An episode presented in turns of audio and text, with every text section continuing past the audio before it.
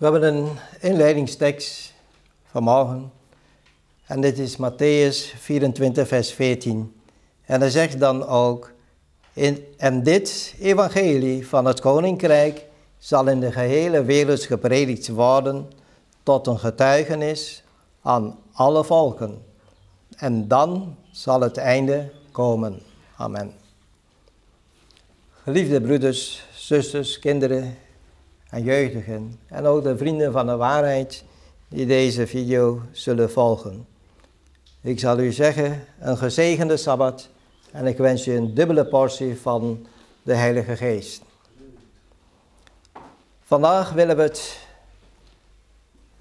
tijd besteden, niet in de volledigheid, want dan staan we misschien volgend jaar nog steeds.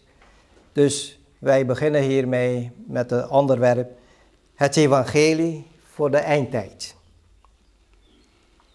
Wat betekent het woord evangelie? Als we dat woord opzoeken op internet, kunnen we terugvinden het brengen van een goede boodschap. Aan wie werd eens het evangelie gebracht? Wat was de moederbelofte aan onze stamouders gegeven? Deze moederbelofte staat inderdaad geschreven in Genesis hoofdstuk 3, daarvan vers 15. En daar zegt ze dan ook, en ik zal vijandschap teweeg brengen tussen u en de vrouw, en tussen uw nageslacht en haar nageslacht. Dat zal u de kop vermorzelen en u zult het de hiel vermorzelen. Mijn geliefde, deze belangrijke moederbelofte, ook profetie gegeven, weliswaar 4000 jaar oud toen, ging in vervulling.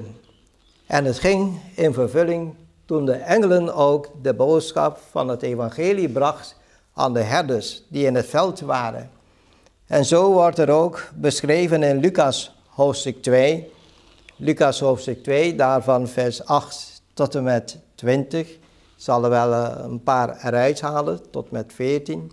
Hij zegt ons hier dat dit verhaal wordt zo vaak verteld, maar als het wordt aangenomen, is iets anders.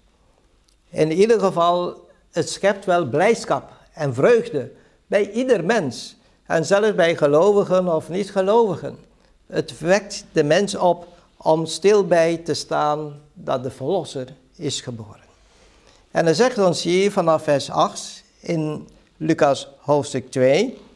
En er waren herders in diezelfde streek die zich ophielden in het open veld en s'nachts de wacht hielden over hun kudde. En zie, een engel van de Heere stond bij hen en de heerlijkheid van de Heere omscheen hen en zij werden allen bevreesd. Wat wil dat zeggen? Zo'n licht plotseling, dat zal een verblinding zijn voor degenen die in duisternis zijn. Let op, het was avond. En wanneer dit werd gebracht, deze kostbare boodschap, zien wij dat alles rondom werd verlicht. En wat zegt het ons verder? En zie dus de engel die verscheen aan hen en die zei, wees niet bevreesd, want zie, ik verkondig u wat grote blijdschap, die voor heel het volk wezen zal, namelijk dat heden voor u in de stad van David de zaligmaker geboren is. Hij is de Christus, de Heere. En dit zal voor u het teken zijn. En u zult het kindje vinden in doeken gewikkeld en liggende in de kribbe. En plotseling was er bij deze engel dan een menigte van de hemelse legermacht, die God loofde en zei, Ere zij God in de hoogste hemelen en vrede waar op aarde en in de mensen een welbehagen. Hoe vreugdevol deze verschijning had, dat zou wel een behoorlijk indruk op hun hebben gemaakt. Maar het is wel mooi en prachtig om zoiets te beleven. Want ze worden herinnerd waarmee ze bezig waren. Soms, ja, we verslappen in het geestelijk leven. Strijd is heftig. Zijn er ziektes, zijn er problemen, moeilijkheden. Soms verzwakt de mens, gaat de mens een beetje twijfelen. Maar juist is deze boodschap een kracht in het geloof van de mens. Dit is een van de prachtigste ook verhalen in de gehele Bijbel. Waarom? God had deze hoop eens beloofd. Wat hij heeft beloofd in Genesis 3, vers 15. En gegarandeerd, God houdt zich aan zijn beloften namelijk. Want hij had inderdaad de mensheid helemaal niet vergeten, zoals soms de mensen denken. Ja, maar ik heb zo lang gehoord dat Jezus komt terug. Jezus komt spoedig terug. Maar nog steeds is Jezus nog niet teruggekomen. Mijn geliefden. Er is een reden daartoe. En de reden slaan wij op in het Bijbelboek in Petrus. In Petrus lezen wij hoe belangrijk dat is. In 2 Petrus hoofdstuk 3, daarvan de versen 8 en 9. En hier zegt ze dan, doch deze ene zaak zij u niet onbekend, geliefden, dat één dag bij de Heere is als duizend jaren. En duizend jaren als één dag. Met andere woorden, tijd maakt niks uit bij God. Eén dag kan duizend jaar zijn, maar duizend jaar kan ook één dag zijn. Maar wat is wel cruciaal voor de Heer, vers 9, dat hij zegt, de Heere vertraagt de belofte niet, gelijk enigen dat traagheid achten, maar is langmoedig over ons. Waarom? Niet willende dat enigen verloren gaan, maar dat zij juist allen tot bekering zouden komen. God schenkt licht, Hij schenkt hoop en Hij wil ons steeds bemoedigen om dagelijks de goede strijd des geloofs te strijden. Laten wij ook volhouden, want Zijn beloften van Zijn wederkomst is ja en amen. De Heere heeft ons niet vergeten, absoluut niet. Het was op Zijn tijd zal het gebeuren ook in ons leven. De strijden en moeilijkheden die wij hebben. Hoe vaak hebben wij de Heer gevraagd, gebeden, om het een of ander. of het is een ziekte of een probleem of moeilijkheden. En het wordt niet zodanig opgelost zoals wij dat zullen denken. Maar God, wanneer wij het overdragen aan Hem, Hij neemt het ook serieus. Hij neemt het over. En daarom staat er ook in Galaten hoofdstuk 4, daarvan vers 4, een vervulling wederom van de moederbelofte van Genesis. En hier staat in Galaten 4, vers 4, maar toen de volheid van de tijd gekomen was, zond God zijn zoon uit, geboren uit een vrouw, geboren onder de wet. Mijn lieve mensen, hier wordt verteld dat God zijn werk doet op zijn tijd. Dat betekent, hij vraagt ons, wees rustig, blijf stil. Je hebt gevraagd en ik zal volbrengen, maar op mijn tijd. Mijn geliefden, toen Christus naar deze aarde kwam, ruim 4000 jaar nadat de moederbelofte was gedaan, hoe belangrijk is dat. God zond licht toen het zo duister en donker rondom de mens is geworden. Met andere woorden, God kijkt naar de piek in uw leven. Wanneer is het juist het beste moment om zich daarin aan u te openbaren? Laten wij kijken wat er staat geschreven, dat het is van belang dat wij acht slaan vandaag op het licht. We lezen met elkaar in Johannes, het evangelie van Johannes, hoofdstuk 1. Vanaf vers 1 af tot met vers 12 En dat zegt ons hier. In het begin was het woord. En het woord was bij God. En het woord was God ook zelf. Met andere woorden, er is geen discussie hier mogelijk. Dat het woord, we zullen straks zien dat het woord is Christus, was bij God zijn vader. En dat het woord was zelf ook God. Hoe interessant is het, de volgende bijbelteksten die zeggen, dit was in het begin bij God. Dus dat was het begin, wanneer, dat weten we niet.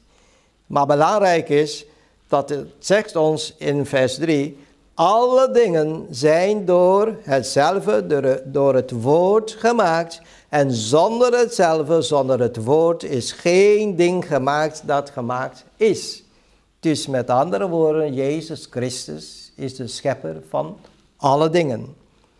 En dan wilde God eigenlijk ja, niet van een afstand staan van zijn volk, van de mensdom die in de zonde is gevallen, maar hij wilde zo dicht mogelijk bij de mens komen.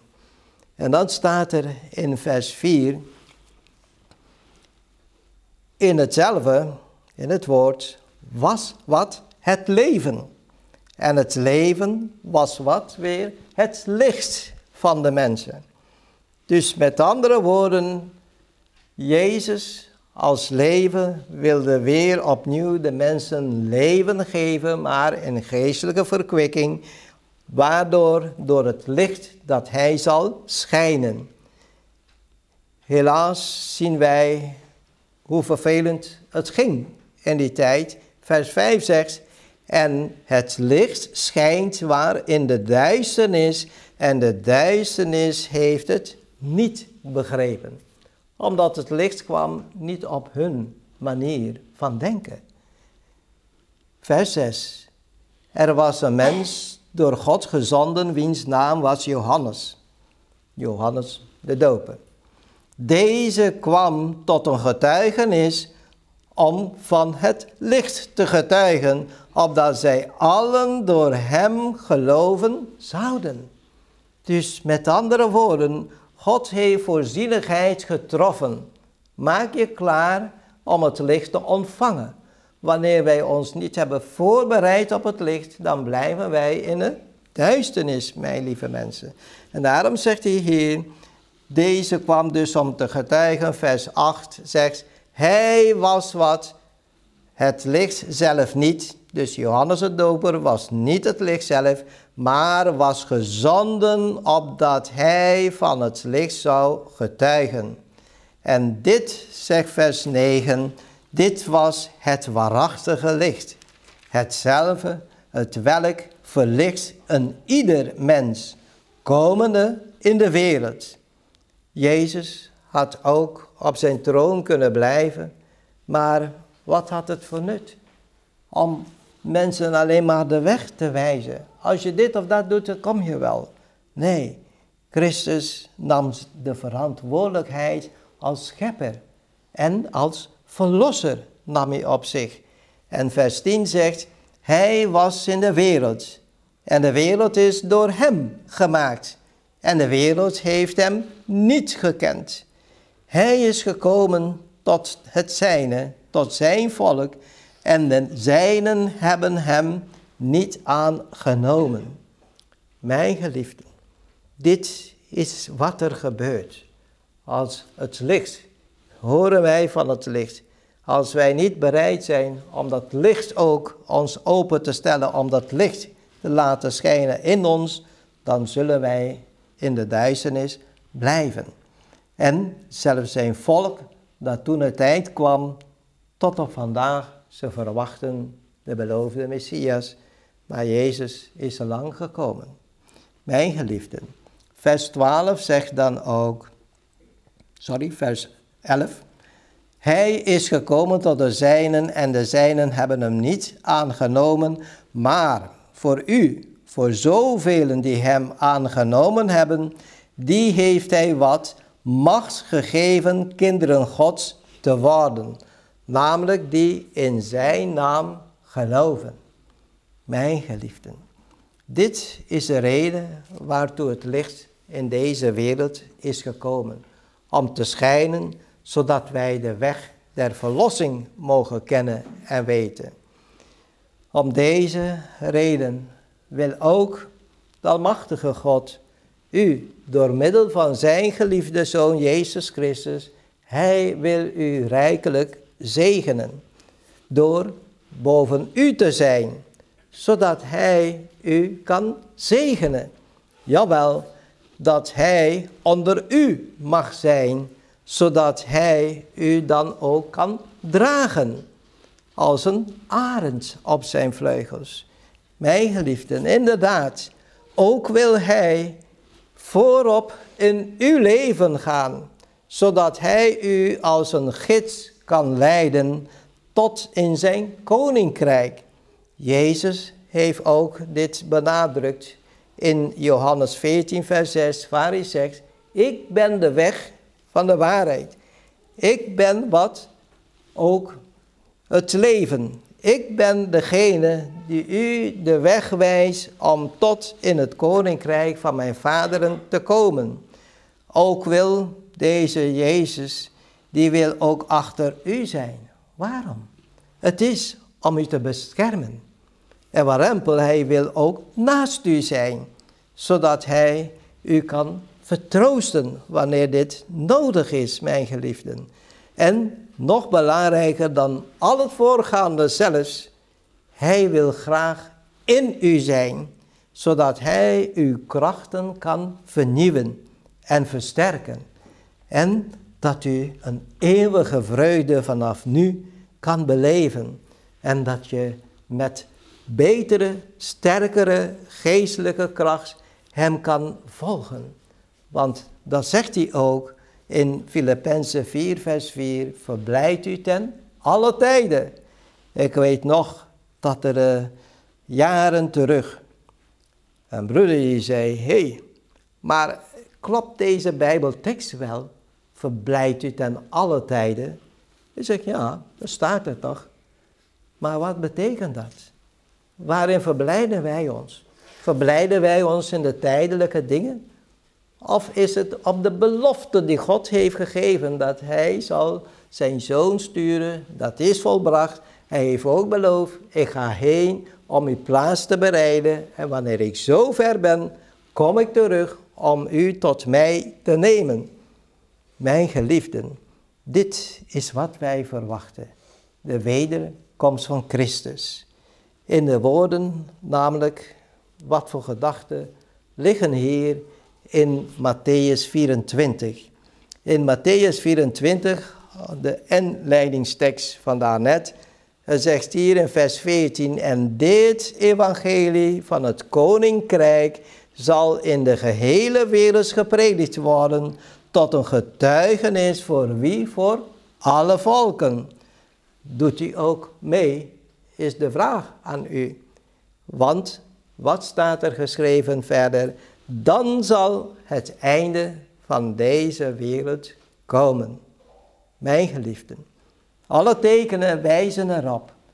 Het is een rommel. Het is een troep in deze wereld. Je weet niet meer wie je moet geloven, wie je moet volgen. Maar de Heere zegt, volg mij. Wanneer u genoeg hebt van het lijden, van de ziekte, van de problemen en de moeilijkheden en de strijd. Wanneer u het zat bent om in deze zondige wereld nog langer rond te dwalen. Grijp alsjeblieft naar het beste. Grijp Jezus aan. Hij is de verlosser niet alleen van u, maar ook voor de gehele wereld. Iedereen heeft dezelfde kansen. Wat is zijn doel in het leven? Hij wijst erop. Er is schade berokkend aan de schepping van de mens hier op aarde. En deze schade is hij bereid te herstellen. En hij is ook onze hele arts. Hij is onze verlosser. Hij is onze pleiter, onze advocaat die op dit moment staat nog voor de Vader in de hemel, voor een ieder die verlost wil worden. Daarom lezen wij met elkaar nog 1 Johannes hoofdstuk 5, pardon, 1 Johannes hoofdstuk 1 daarvan, vers 5 tot en met 7. De bedoeling van Christus is, doordat het kwaad van de zonde overheerst in deze wereld, om alsnog degene die het willen, om zich te laten verzoenen met de Vader. En in 1 Johannes hoofdstuk 1 daarvan vers 5 tot en met 7 zegt het dan ook, en dit is de verkondiging die wij van hem gehoord hebben. En wij u verkondigen dat God een licht is en gans geen duisternis in hem is. Indien wij zeggen dat wij gemeenschap met hem hebben en wij in de duisternis wandelen, zo liegen wij en doen de waarheid niet. Maar, zegt vers 7, maar indien wij in het licht wandelen, gelijk hij zelf ook in het licht is, zo hebben wij gemeenschap met elkander en het bloed van Jezus Christus, zijn Zoon, reinigt ons van alle belemmeringen, van al onze zonden, mijn geliefden. Dit is wat een scheiding veroorzaakt tussen God en de mens, mijn en uw zon.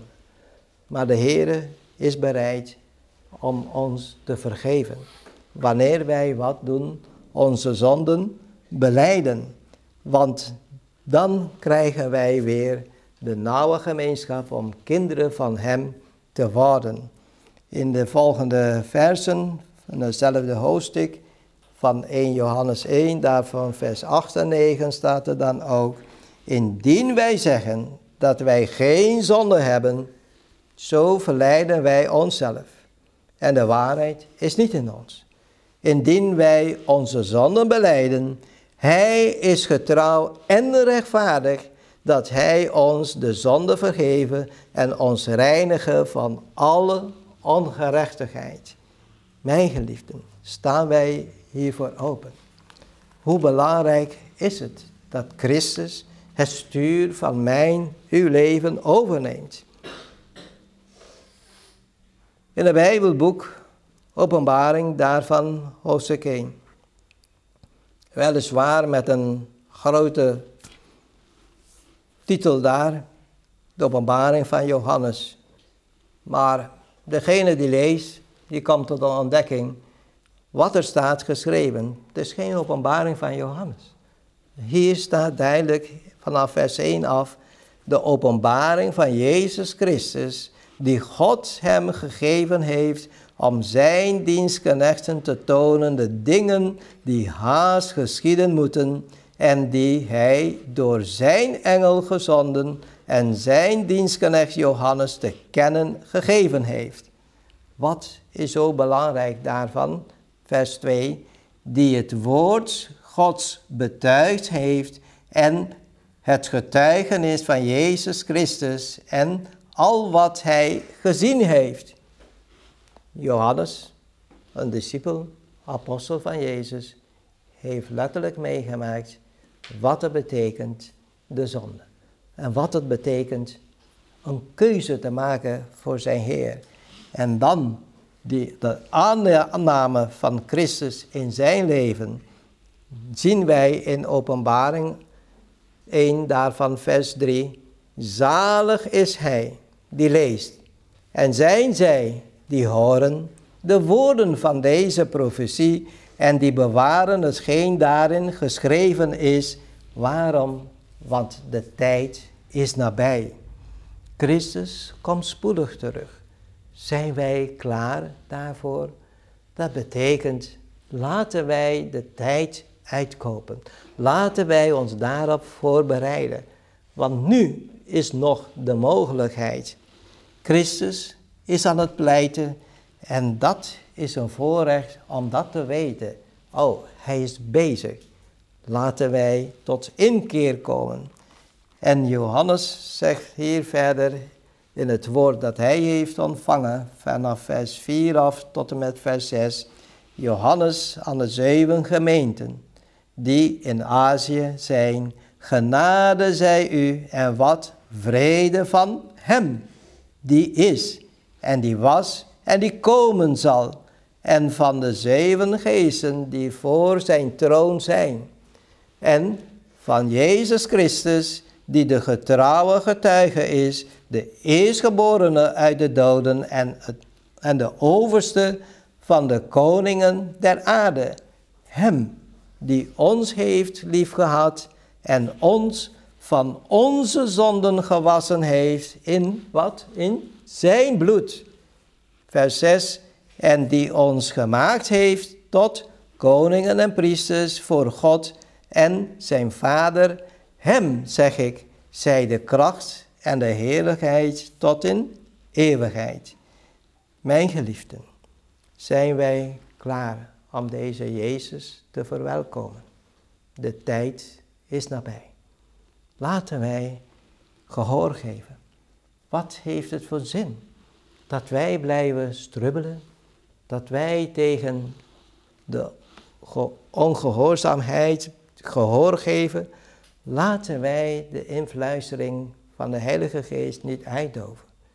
De tijd is nabij. Mogen de Heer ons helpen dat wij mogen weten dat Jezus komt spoedig terug en dat wij ook klaar mogen zijn om Hem te verwelkomen. Hem, zeg ik, zal alle dingen weer recht trekken. Het evangelie is namelijk de tijd waarin we leven om het te prediken, om het te vertellen. Nu kunnen wij de goede boodschap brengen. En er komt een tijd dat alles wordt afgesloten, de genadedeur. Dan mogen de Heer ons helpen. Dat juist door ons nederig op te stellen. Door juist deze bron van redding aan te nemen. En dat Jezus Christus niet te vergeefs voor ons is gestorven, maar dat het vrucht voor de eeuwigheid zal werpen. De Heer zegen en help ons daartoe, is ook mijn wenselijk gebed. Amen.